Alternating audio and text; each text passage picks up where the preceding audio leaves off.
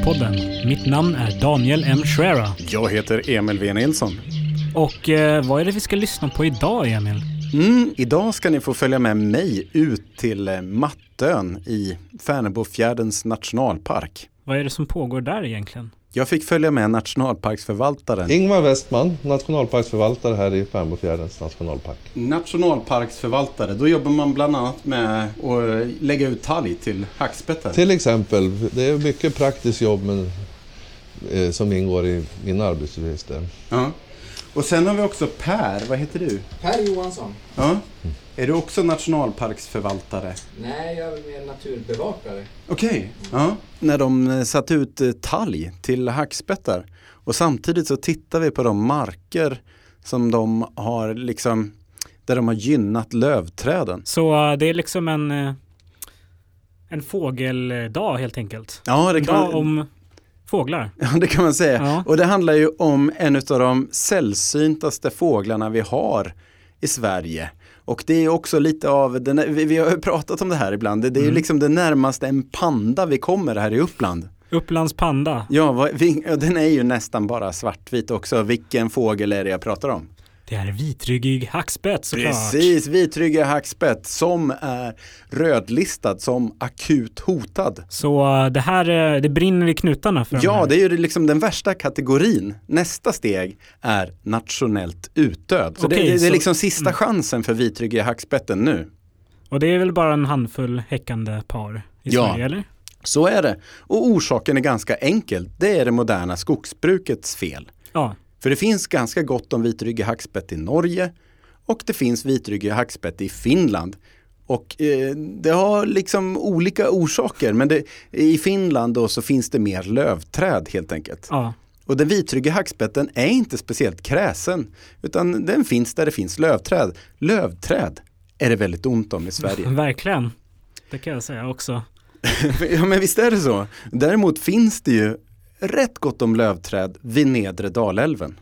Och det är ju en väldigt speciell naturmiljö i sig. Så att eh, de här miljöerna i sig är också väldigt sällsynta. Ja. Och så finns den vitryggiga hackspetten där. Men den finns inte bara i de här väldigt sällsynta miljöerna. Och, eh, alltså vitryggiga hackspetten är ju speciell, den var ju relativt vanlig tidigare. Och sen har den minskat med mer än 90 och minskningen har liksom accelererat de senaste 40 åren. ja. Och vi har fått en liten rapport om vad som har hänt i somras. Det, och det är att det fanns fyra till fem par som försökte häcka. Ja. Men bara två par som lyckades häcka.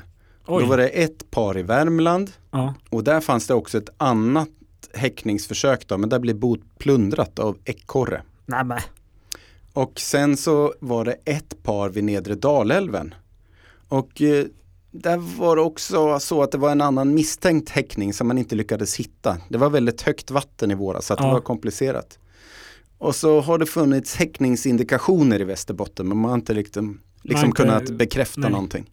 Ja, det är inte så lätt när det bara finns ett par stycken. Nej, precis. Och för att det här inte ska fastna i enbart vitryggig hackspett så tog vi hit eh, Per Eriksson från Upplandsstiftelsen Ja. för att prata om de här miljöerna vid nedre Dalälven, för de är värda att prata om i sig. Ja, precis. Det är verkligen eh, skithäftigt där borta. Ja. Det är en vildmark på liksom det yttersta sättet på något sätt. En vildmark i vatten, en älvskärgård. Ja, hör du mig Per? Jo, det är ju ett väldigt speciellt landskap vid nedre Dalälven. Det är ju en väldigt ung älvfåra som inte har skurit ut någon riktig älvdal då. Så att eh, markerna runt omkring är väldigt flacka.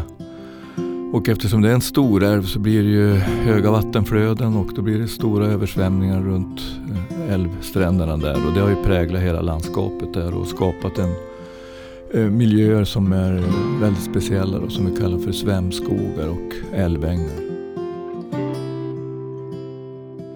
Vattnet är ju en eh, slags ekologisk störningsfaktor om man säger som liknar på sitt sätt branden då i boreala skogar.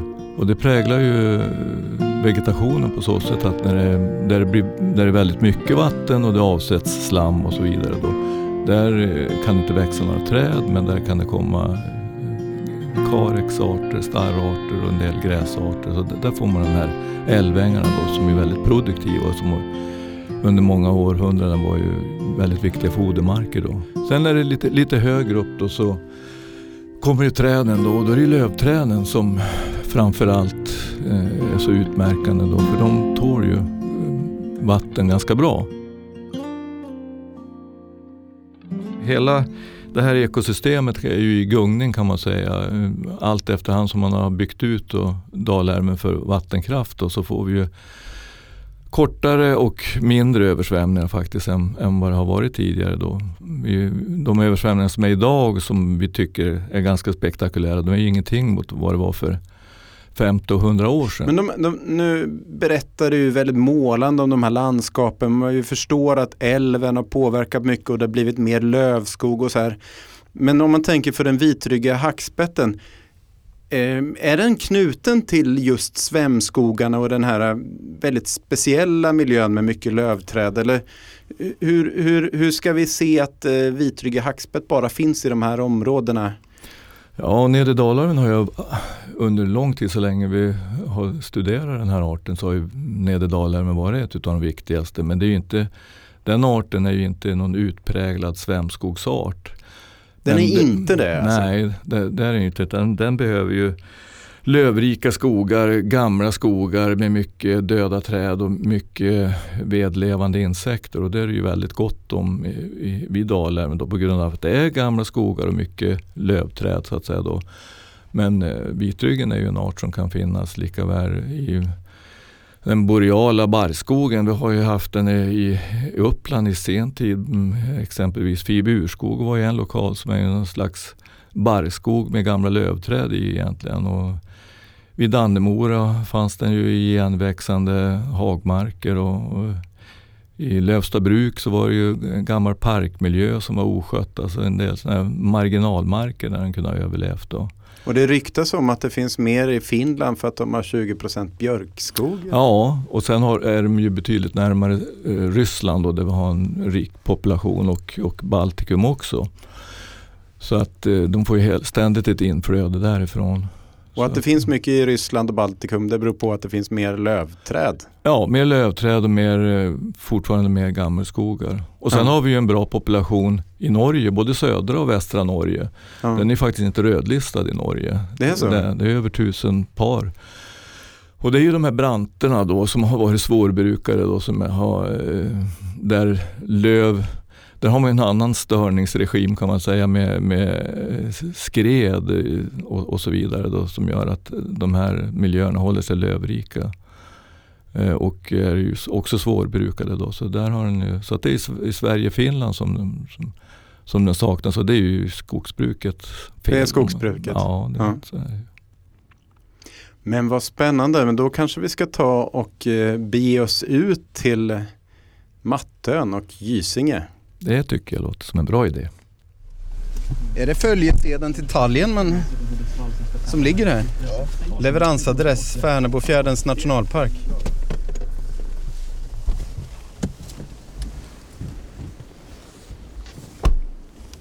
Tjusigt. Men nu står vi vid nära stranden till Dalälven och det är rejäl rimfrost. Det har varit lite kallt i natt.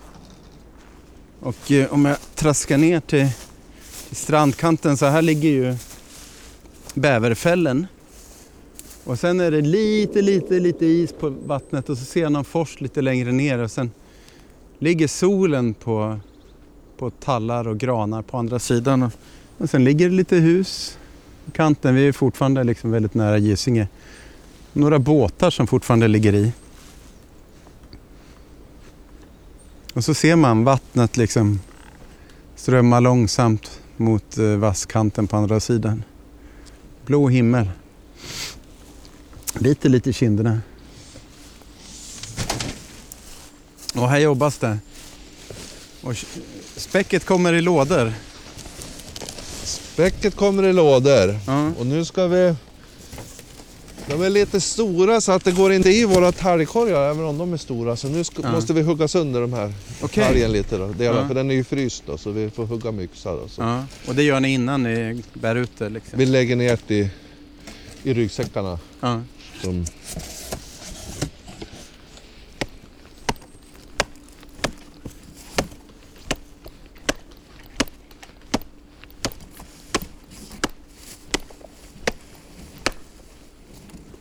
Brukar ni se någonting när ni går ut med talg? Får ni se någon vitryggig hackspett någon gång?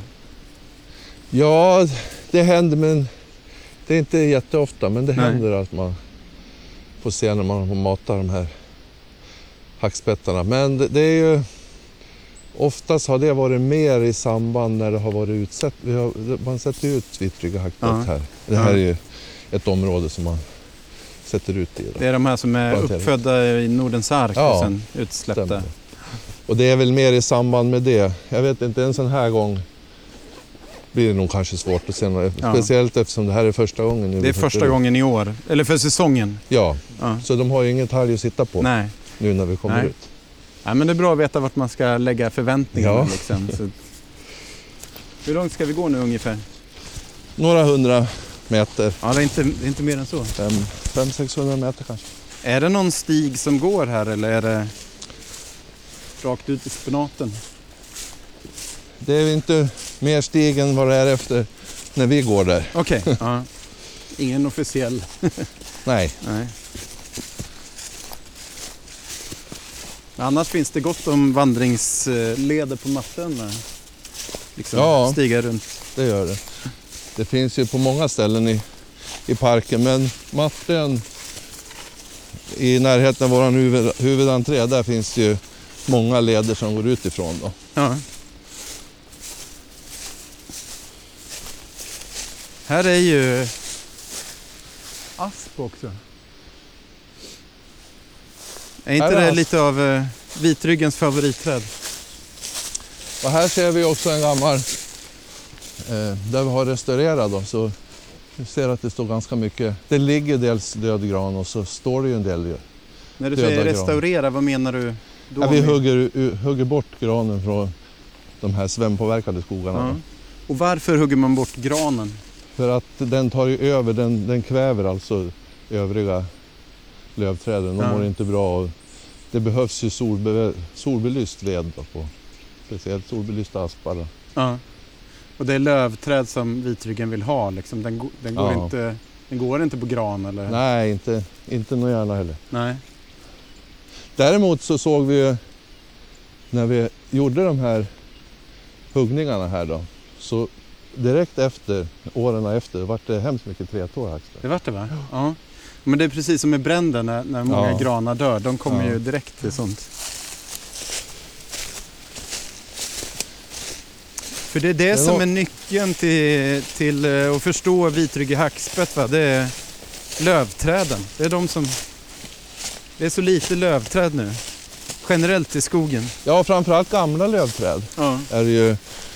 Eh, man, man spar ju i det mo- moderna skogsbruket, man spar, man spar ju lövträd där då. Ja. Eh, men de åker ju oftast till första gallringen och andra Ja. gallringen. ja. Så de här gamla träden, de, de finns ju inte Nej. i princip. Och det är när de, är när de dör, va? Som, när de är nydöda, som det kommer skalbaggar som vitryggen äter larverna av. Eller? Ja, men det finns nog även insekter i dem i, i levande. gamla- Men, men det är klart att den Ja. döda veden. Och aspen är ju liksom favoriten för vitryggen. Då. Eller de insekter som blir där. Då. De, Ja. Men det där är ju spännande för det är också väldigt gott om bäver här. Och bäver gillar också asp va? många som gillar asp. Ja. Ja, det är gott om bäver och den bara ökar hela tiden så här så att jag tror vi ska ta och välja den här vägen. Nu bär det av, nu lämnar vi strandkanten här och går rakt in istället.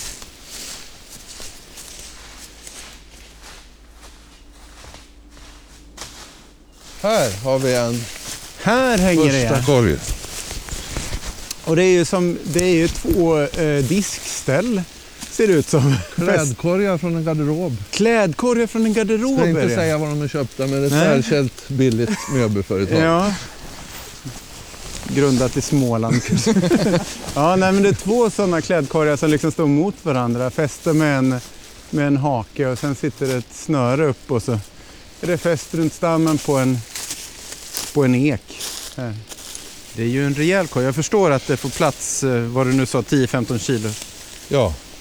Och anled- tidigare hade vi eh, att det satt upp, anledningen att vi har gjort så här nu med ett rep och långt det det är att rävar, i viss mån hundar kanske. Ja, Vi har ju jakt i den här nationalparken. Det är ja, eh, en lite annorlunda nationalpark på det viset. ja. Men eh, Och vi är inte jättelångt från bebyggelse heller. nej, och det, det här kan... Eh, så att vi hade ganska mycket att de, de vart förstörda helt enkelt. Okej. Ja. korgarna. De, de bet sönder dem och slet sönder dem. Nu får de hänga fritt i luften. Nu kommer de inte Nej. åt dem på samma sätt. Och än finns det inte järv här som kan... Nej. Jag vet inte. Nej, vi tar så där så länge. Vi tar bara det där i.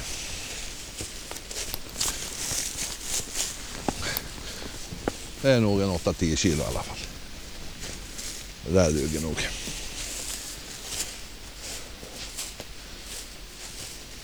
Ja, Det var första korgen. det var första korgen. Var det tre, två till här eller? Två, två korgar till på det här området. Ja.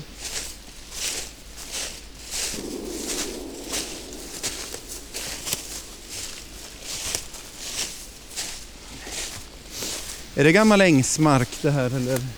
Det här är gamla ängsmarker då, som är svempåverkade de här. Och eh, det var ju hemskt stora arealer som man slottrade förr i världen. Så att, eh, och granen som vi, du pratade om här, granen är ju ett av de få träslag som kan stå och växa underifrån om man säger Ja. så.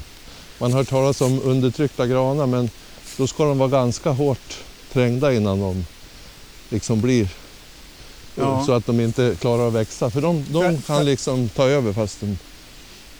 Fast som inte först liksom. Ja. ja. För här björkarna är väl antagligen äldre än granarna här. Ja. Man ser hur det är liksom ja, men halvstora granar som liksom skjuter precis bredvid björkarna. Och de, de kommer, om de får stå så vinner de väl i slutändan, granen. ja. Det är väldigt platt. Det är någon slags deltalandskap här ser det ut som. Är det, är det sand under eller? I backen? Nej. Nej, det är, det är nog lera och jord. Och, Lera? Ja.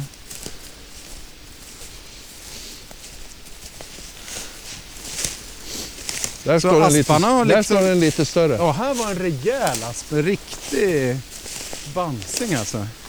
Men den här har då växt upp i samband med att man slutade slå älvängarna. Ja. Och man hävdar ängar i, i det här nedre Dalälvsområdet ända fram till ja, strax efter andra världskriget. Då, runt Ja. fem- 50 ungefär. Ja. var de sista som hävdade. Sen har ju vi återupptagit det här och, Ja. och börjat på och, och haft, har lite slotter på Ja. några älvängar. Då. Men här skulle det ta tid att få tillbaka själva älvängen. Ja, här skulle det nog ta. skulle så, och aspen är ju rejäl, men de kan ju växa fort också. Ja. Det är Men, samma eh, med granarna. Jag har ingen uppgift på hur länge sedan det var just på det här området Nej. som de slottrade. Det är inte så... Men det är spännande att man höll på så länge ändå. Det måste varit ganska magert hö man fick ut av det. Ja, Men de var ju naturligt gödslade, tänk. ja det, var, det var ju det, det, var det det var. När våröversvämningarna kom och det stod Ja. under vatten då gödslade, vatt, eller gödslade de här. Och de var ju otroligt värdefulla de här ängarna. Eh, för bonden då alltså. Ja, De tog ju, det var ju betes, eller vad säger jag, för foder, det var det ju bara sådana här marker man tog. Man tog ju inte på åkermarkerna, där odlar man ju spannmål. ja precis. Sen hade man ju nästan överallt här, varenda ö och allting är ju ängarna är slottrade. Där slog man på sommaren, man hade små ängslador och la in höet i på Och sen körde man hem på, med häst och släde på, på vintern Ja. på isen. Det var mycket jobb för lite magert gräs. Ja, absolut. Men å andra sidan, om kon överlevde så var det Ja. nog mycket värt. Ja, Sen är de ju kända för en annan sak, de här markerna också. Det är ju myggen. ja För det, det är väl här på de här markerna som det kan kläckas mycket mygg ibland. här kan det kläcka. låglämta. Vissa, vissa år kläcks det ju väldigt mycket mygg. Ja, Och det, alltihopa beror ju på ärvens nivå och temperaturen. ja, Hur, hur varmt det blir. Här är det fortfarande kallt så vattnet håller sig kallt och det börjar sjunka undan och torka upp. Och sen kommer värmen, då blir det ingen mygg. Men nej. Just det här att det stiger upp och så står det här äggen kläcks och sen kommer värmen, eller värmen kommer och så kläcks äggen. Då, Ja, då kan det vara eh, i vi- vissa tider på året kan det vara mycket mygg. Men det får ju lite oförtjänt dåligt rykte tycker jag eftersom det är ganska, ändå ganska korta tider på, på sommaren. Det är Ja. runt midsommar som det kan Ja. man säga. Lite före, lite efter midsommar. Det är då det kan vara. Så det ska man tänka på då, så att man kan komma innan för att paddla och då kanske det kan vara högvatten. Då kanske man kan Om man paddla. måste planera långt i förväg då kanske Ja. man ska göra det för att Ja. planera in en veckas semester eller någonting sånt här. Men om man kan åka man kan ju ringa, man kan ringa till Man kan Naturum ringa till exempel Naturum, fråga hur läget är. Man, Ja, vi har nog, det finns ju olika hemsidor också att titta på. Hur myggläget är liksom så. Här, är ju ett, här är ju väldigt mycket löv där vi är nu och några enstaka tallar. Men inte gran. Nej. Men i det här området har det varit lite mindre gran. Ja. En del mindre gran. Som ni har röjt. Ja. Är det det som ligger också kanske? ja. Men det var ganska öppet här. Ja. Och här har vi ett korg nummer två. Ja men titta. Vet ni någonting om hur mycket de äter liksom? Eller hur, hur mycket just vitrygg går på de här? Nej, Nej, det vet vi ju inte. Det är ju, det är lite av en det är ju chansning. mängder men... av andra fåglar som äter av det. Ja. Så är det ju. Det, är ju. det ser man ju. Och framförallt småfåglar. De är, de är ganska skyddade också. De kan krypa in i en sån här korg. Ja, just Så kan det. de sitta där inne. En, Ja. en, en mindre fågel. Så kan Ja. de bara sitta där och äta. Och få vara i fred för duvhöken. Och, Ja. Man, man vill ju framförallt ha de vitryggar kvar som finns här. Ja. De vill man ju ha kvar i området så att om man vet att det finns en, en vitrygg här då vill man ju säker, vara säker på att de inte sticker för att det är dåligt med föda. Ja. Och, och, och, för då hittar man kanske inte igen dem igen. Ja. Vintern är ju svårare för alla fåglar att, att hitta maten. Liksom så. Ja. Kan man då hålla dem kvar här då... För sen vet man ju inte, en fågel kan ju flyga långt. De kan ju, det är inte så säkert att de blir kvar i Sverige ens en gång om de börjar på röra på sig. Nej visst, verkligen. Men hur ser det ut nu då? Hur många vitryggare är det här i området? Vet man det? Nej, man vet inte det. Men man har ju, man har ju sett, några fåglar har man ju sett här i nedre Dalälvsområdet i alla fall. Men, Ja.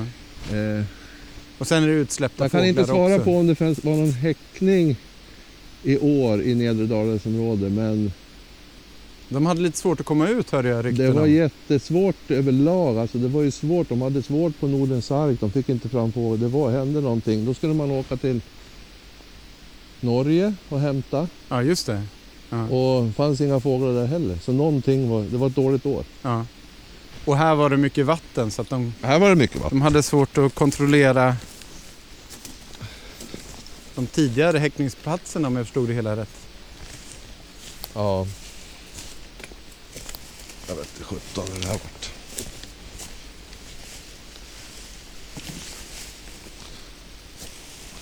Jag pratar jag så jag inte vet vad jag gör. Nej, är det mitt fel?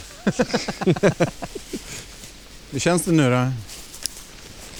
Jo, det blir ju lättare och lättare. Mm.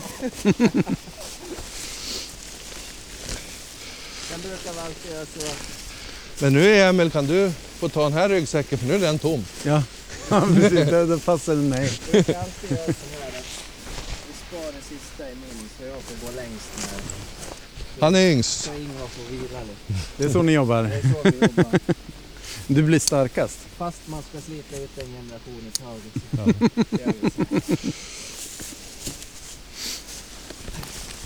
Det var nummer två. Det är en jättefin dag. Solen står ganska lågt men det är ju på de lite öppnare ytorna är det fullt med rimfrost. Det ser helt silvrigt ut.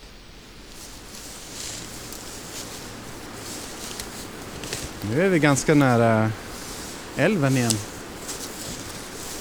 Då har vi gått, gått en liten rundtur. Ja.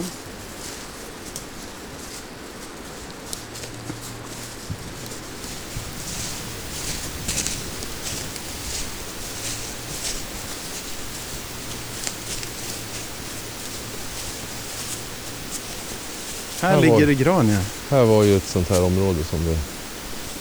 Här första vi gjorde, då fällde vi ju även de stora. ja. Anledningen att vi tar granen egentligen, det är ju människans påverkan. Det är ju mänskliga påverkan och det har vi ju med vattenregimen då, Ja. som gör att översvämningarna uteblir. ja. Eller de här stora och långvariga ute är mycket mer sällsynta idag. De som det, dränker gran. Ja, och de lär ju stå ganska, speciellt när de är små, då, ganska lång tid liksom, Ja. så innan de... Eh, För det här området är annars känt för sina ekar som står i kanten just för att de klarade de där översvämningarna. ja. Aspen klarar också Ja. översvämningar. Det här är ju, det, det mesta marken vi har gått på nu, det är ju, det är ju eh, äng, älväng alltså, Ja. som är i, i. Ja. ja, precis. Och- det är ju spännande. Så då blir det väldigt bra för vitryggen. Eh, Just aspens igenväxning, men inte granens igenväxning. Och, och, och, bo- och de förutsättningarna för det är ju att man slutar slå. Men, men granen gynnas också av att det inte är samma översvämningar som det var tidigare. Nej. Det är ju, fler, det är ju liksom... Och gy- gynnas också att inte någon slått det, för Ja, annars just skulle de inte... Ja, precis. Nej, så att det, det är flera saker att hålla i huvudet samtidigt. Och de här åtgärderna, vilka är det som står bakom allting? Stå bakom. Ja, vilka är det som eh, eh, satsat på det här projektet, eh, liksom vitrygg? Ja, men det här med svämskog, det har ju egentligen, det har ju inte vitrygg så, utan vi restaurerar ju svämskogarna och sen Ja. gynnar det i sin tur eh, vitryggen. Just det. Så vi, vi gör ju inte specifikt för vitryggen, men eftersom, och finns de här arterna för vit, eller är det bra för vitrygg, då är det bra för jättemånga andra arter. Liksom, så. Ja. Så att, eh, men åtgärderna görs inte bara för vitrygg, utan de, de görs för helheten. Ja. säger. Och det är ju Naturvårdsverket i grunden. Alltså Länsstyrelsen, vi jobbar ju åt Länsstyrelsen Gävleborg då, som Ja. förvaltar Färnebofjärden. Även om den ligger i fyra län, Ja. parken, så är Det det, är staten helt enkelt. det är staten och vi får Ja. ju order ifrån Naturvårdsverket. Och de är med och gör, de- de gör skötselplaner och annat. då. Ja.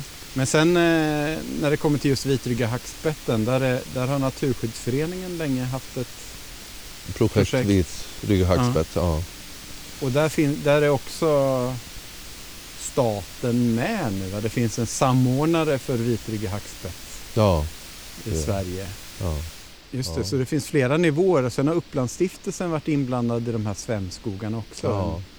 Ja, Så det, det, det är många, ja, många som är... många delar. Men det, Ja. men det är väldigt intressant det här du säger att liksom svämskogarna är kanske, det är en ganska unik miljö som, som det finns gott om här men som är ovanligt eh, på andra ställen i Sverige generellt tror jag. Ja. Eh, Så, så att det, ju, det blir ju väldigt många arter som gynnas av den miljön.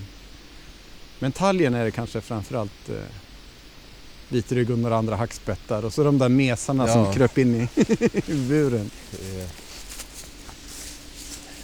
Tredje korgen. Här var ju väldigt eh, tjusigt vid, vid älven. Här ligger korgen 10 meter från, från vattnet och så är det videbuskage. Och, så det är ganska mycket vatten här utanför.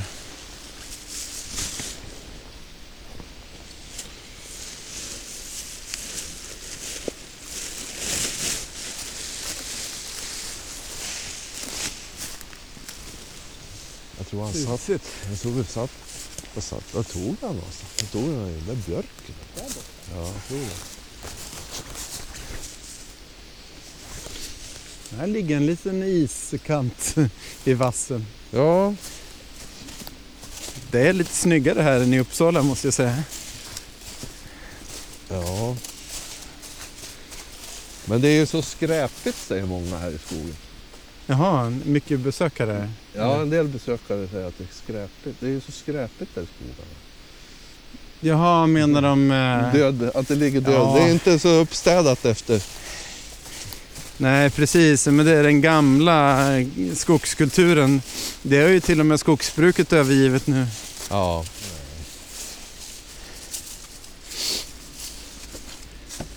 Men jag ska säga så här. Jag tycker det har varit jätteroligt att få följa med Vad är det? och se när ni har burit de här tunga klossarna med, med späck liksom. Nej men att få se hur det går till och hänga upp det och vad ni har gjort för vitrygg. Och för eh, liksom de svämpåverkade markerna här generellt. Mm. Tycker jag var väldigt roligt. Faktiskt. Vad kul. Känns inspirerande. Och det, man har ju hört så mycket om vitryggig hackspett så det är ju roligt att se också någonting konkret. Hur man jobbar med det. Ja. Och det görs ju mycket på många ställen i, i landet och de här områdena.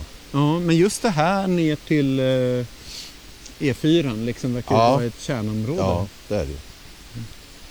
Så det, Och det ligger ju nära liksom eh, Uppland och eh, det, det är liksom nära hemma om man Ja. säger så. ja. Det är väldigt spännande att, att det finns en så liksom, sammanhängande idé eh, och ett försök att rädda den här arten i Sverige. Med allt vad det innebär och, och, och de här miljöerna som man räddar på, på, som man får med på köpet liksom. Eller Mm. vice versa liksom. Mm. Visst. Och vi, det har ju varit lite svårt med häckningar som sagt. Vi har ju haft några försök här i parken till häckningar. Alltså på senare år då, om man Ja. säger. Ja. Men eh, det har inte lyckats. Fåglarna har varit för unga och det har varit lite så. Men eh, kanske blir det en häckning för att komma, eller någon föryngring så Det kommer jag gärna. Kommer gärna. Jag, vill, jag har inte sett vitryggig hackspett. Det vore ju väldigt roligt att se eh, också. Jag har hört att de är ganska charmiga och inte så jätteskraja av sig. Nej. Liksom, så att man får lite tid att titta på dem. Ja. Så att eh, man kanske skulle komma förbi i februari eller sådär de trummar. Det, ja. De har ju väldigt, väldigt trumning mot en större hackspett. De har det? Ja. Ja. Det Det är var lång. ja, Liksom. jättekraftig och lång. Som, I och för sig var det ju i samband med en häckning som jag hörde det här specifikt. Men eh, då var det en känd fågel, Ja. fågelman här från trakten som sa att, som var med ut och han sa att för då kom det en större hackspett också. Ja. Då sa han att nu blir den större hackspetten eh, avundsjuk för han kan inte trumma så där länge. Ja, Okej, ja. Och de är lite större än, än Ja, något, något lite större. Ja. Ja, nej men det, det låter som en plan. Låter Nej, men en plan. jättetack för att jag fick följa med. Ja. Jätteschysst. Nä, nästa gång ska jag bära lite Ja, då har du börjat träna igen, Ja, så då har du inte ont i ryggen. Exakt. Ja.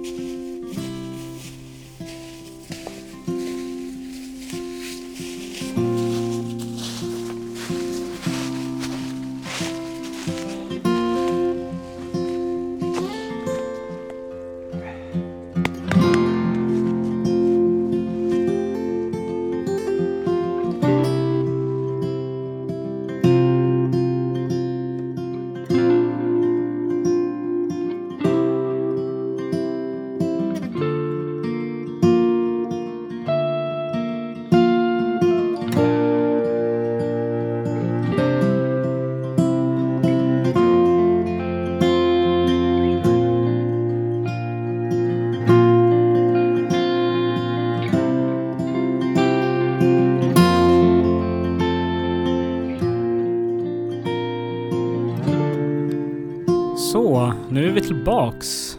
Eh, det var ju ganska mycket åtgärder mot gran där, eller hur? Där ni var. Verkligen. Det, granen har ju kommit in. Det är ju vattenkraften som har ställt till det. Ja, För att tidigare fanns det så här kraftiga våröversvämningar och då dog granarna. just det. Men sen eh, vattenkraften har kommit och eh, haft alldeles för mycket påverkan på, på vattengången liksom, så, så har granarna kunnat komma in. Ja. Så att det är onaturligt att det är så mycket gran. Det är inte lika mycket störning helt enkelt som det var. Eller? Nej, men själva vattnet är det. Ja. Liksom, det måste vara en viss typ av störning.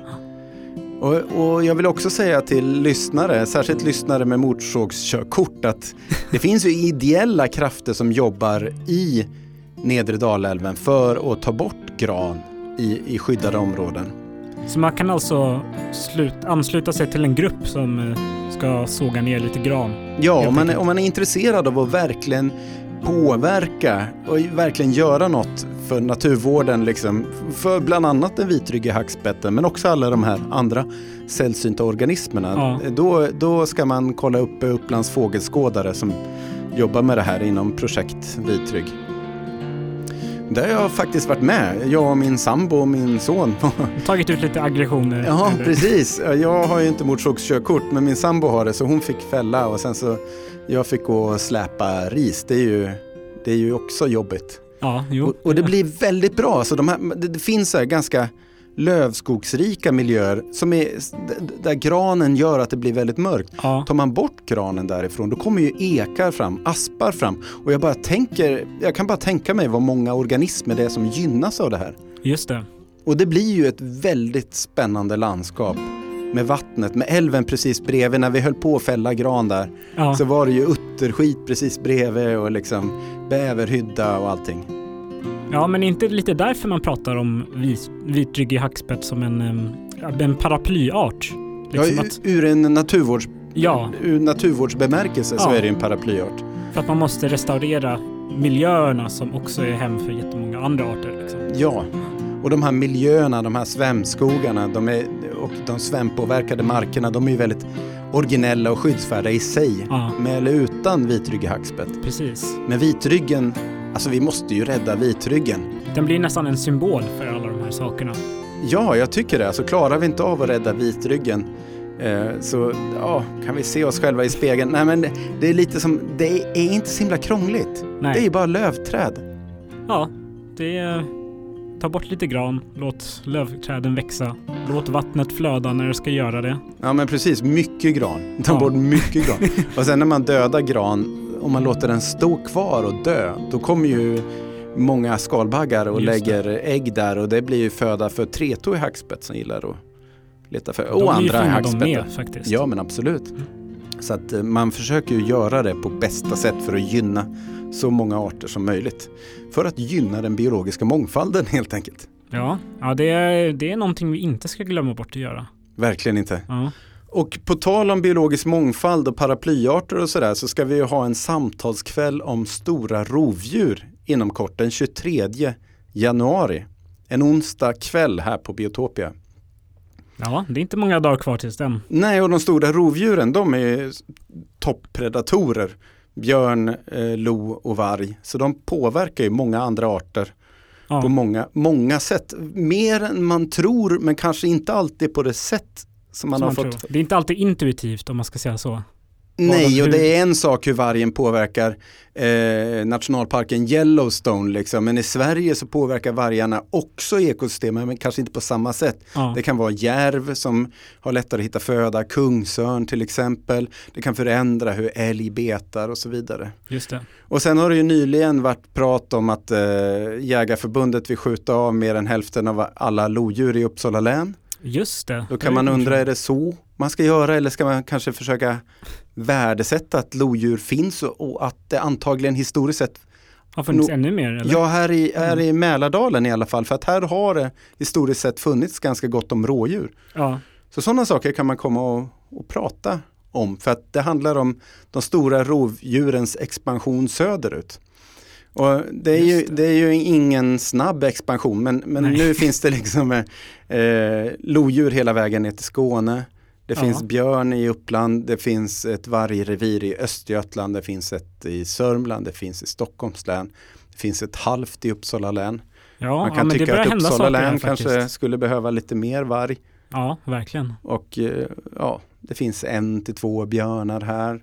Det kanske blir mer med tiden. Hur ska man göra för att eh, vi ska kunna leva tillsammans med rovdjur och inte mot dem eller liksom sådär. Ja, ja, men det är stora frågor som måste, vi måste ju ta itu med dem på något sätt. Verkligen, så vill man komma, boka gärna in er. Eh, bokning at biotopia.nu 23 januari.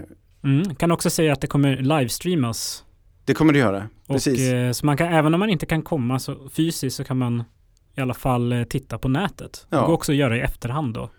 Och kom halv sju ungefär. Vi drar igång klockan sju och då är det, då är det fullt ställ. Så att Ja, kom inte direkt. efteråt. Ja. Och man får gärna komma och ställa sina frågor till vår panel. Sen kommer en filmvisning.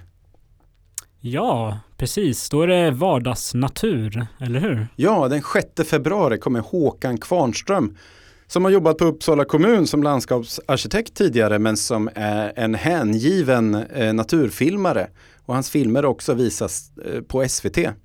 Och han har framförallt filmat runt Uppsala. Ja, Så att det, det är jättehäftigt att se hans filmer för att ibland så känner man igen miljöerna liksom.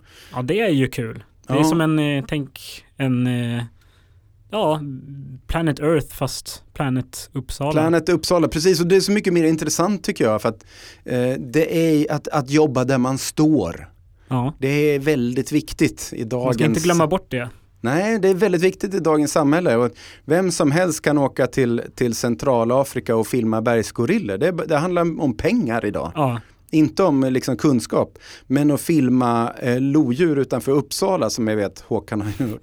Eh, nu handlar det ju mer om fåglar den 6 februari. Men ändå, alltså, han, han har, genom att vara ute Ja. så mycket så får han vara med om väldigt mycket. jo men precis.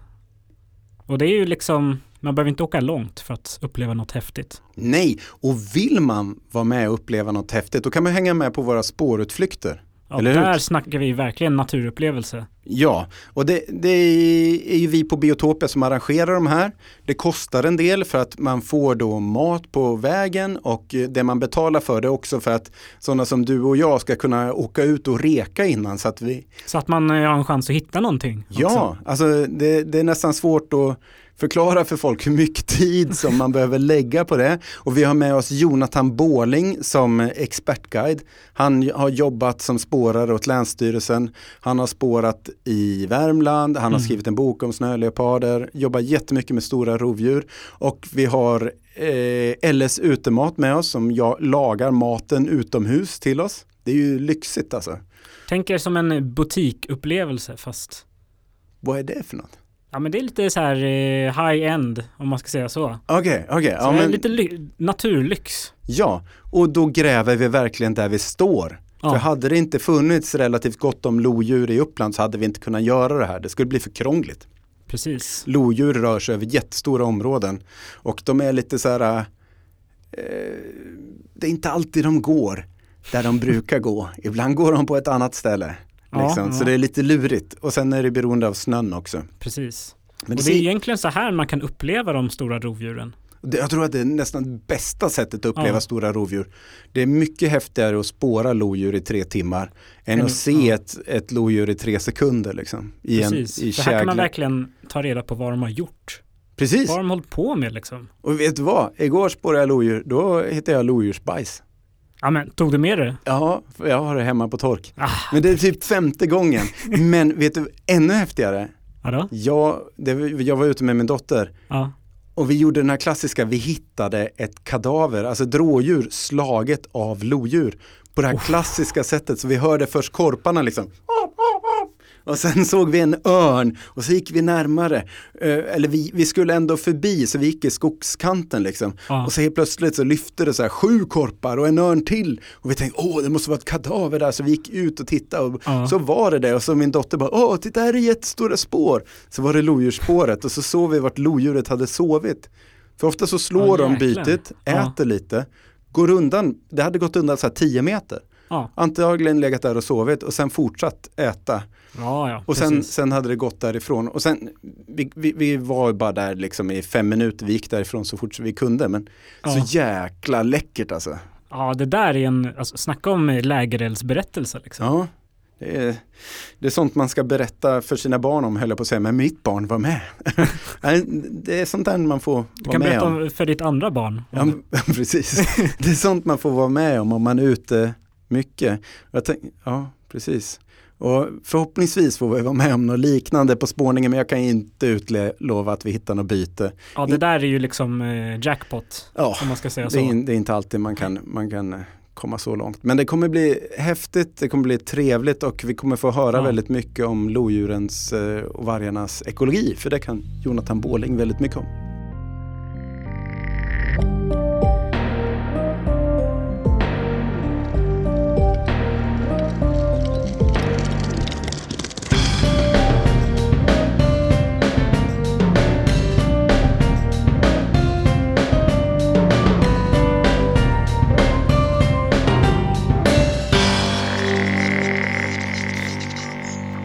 Nu drar vi igång Naturpodden här för våren 2019.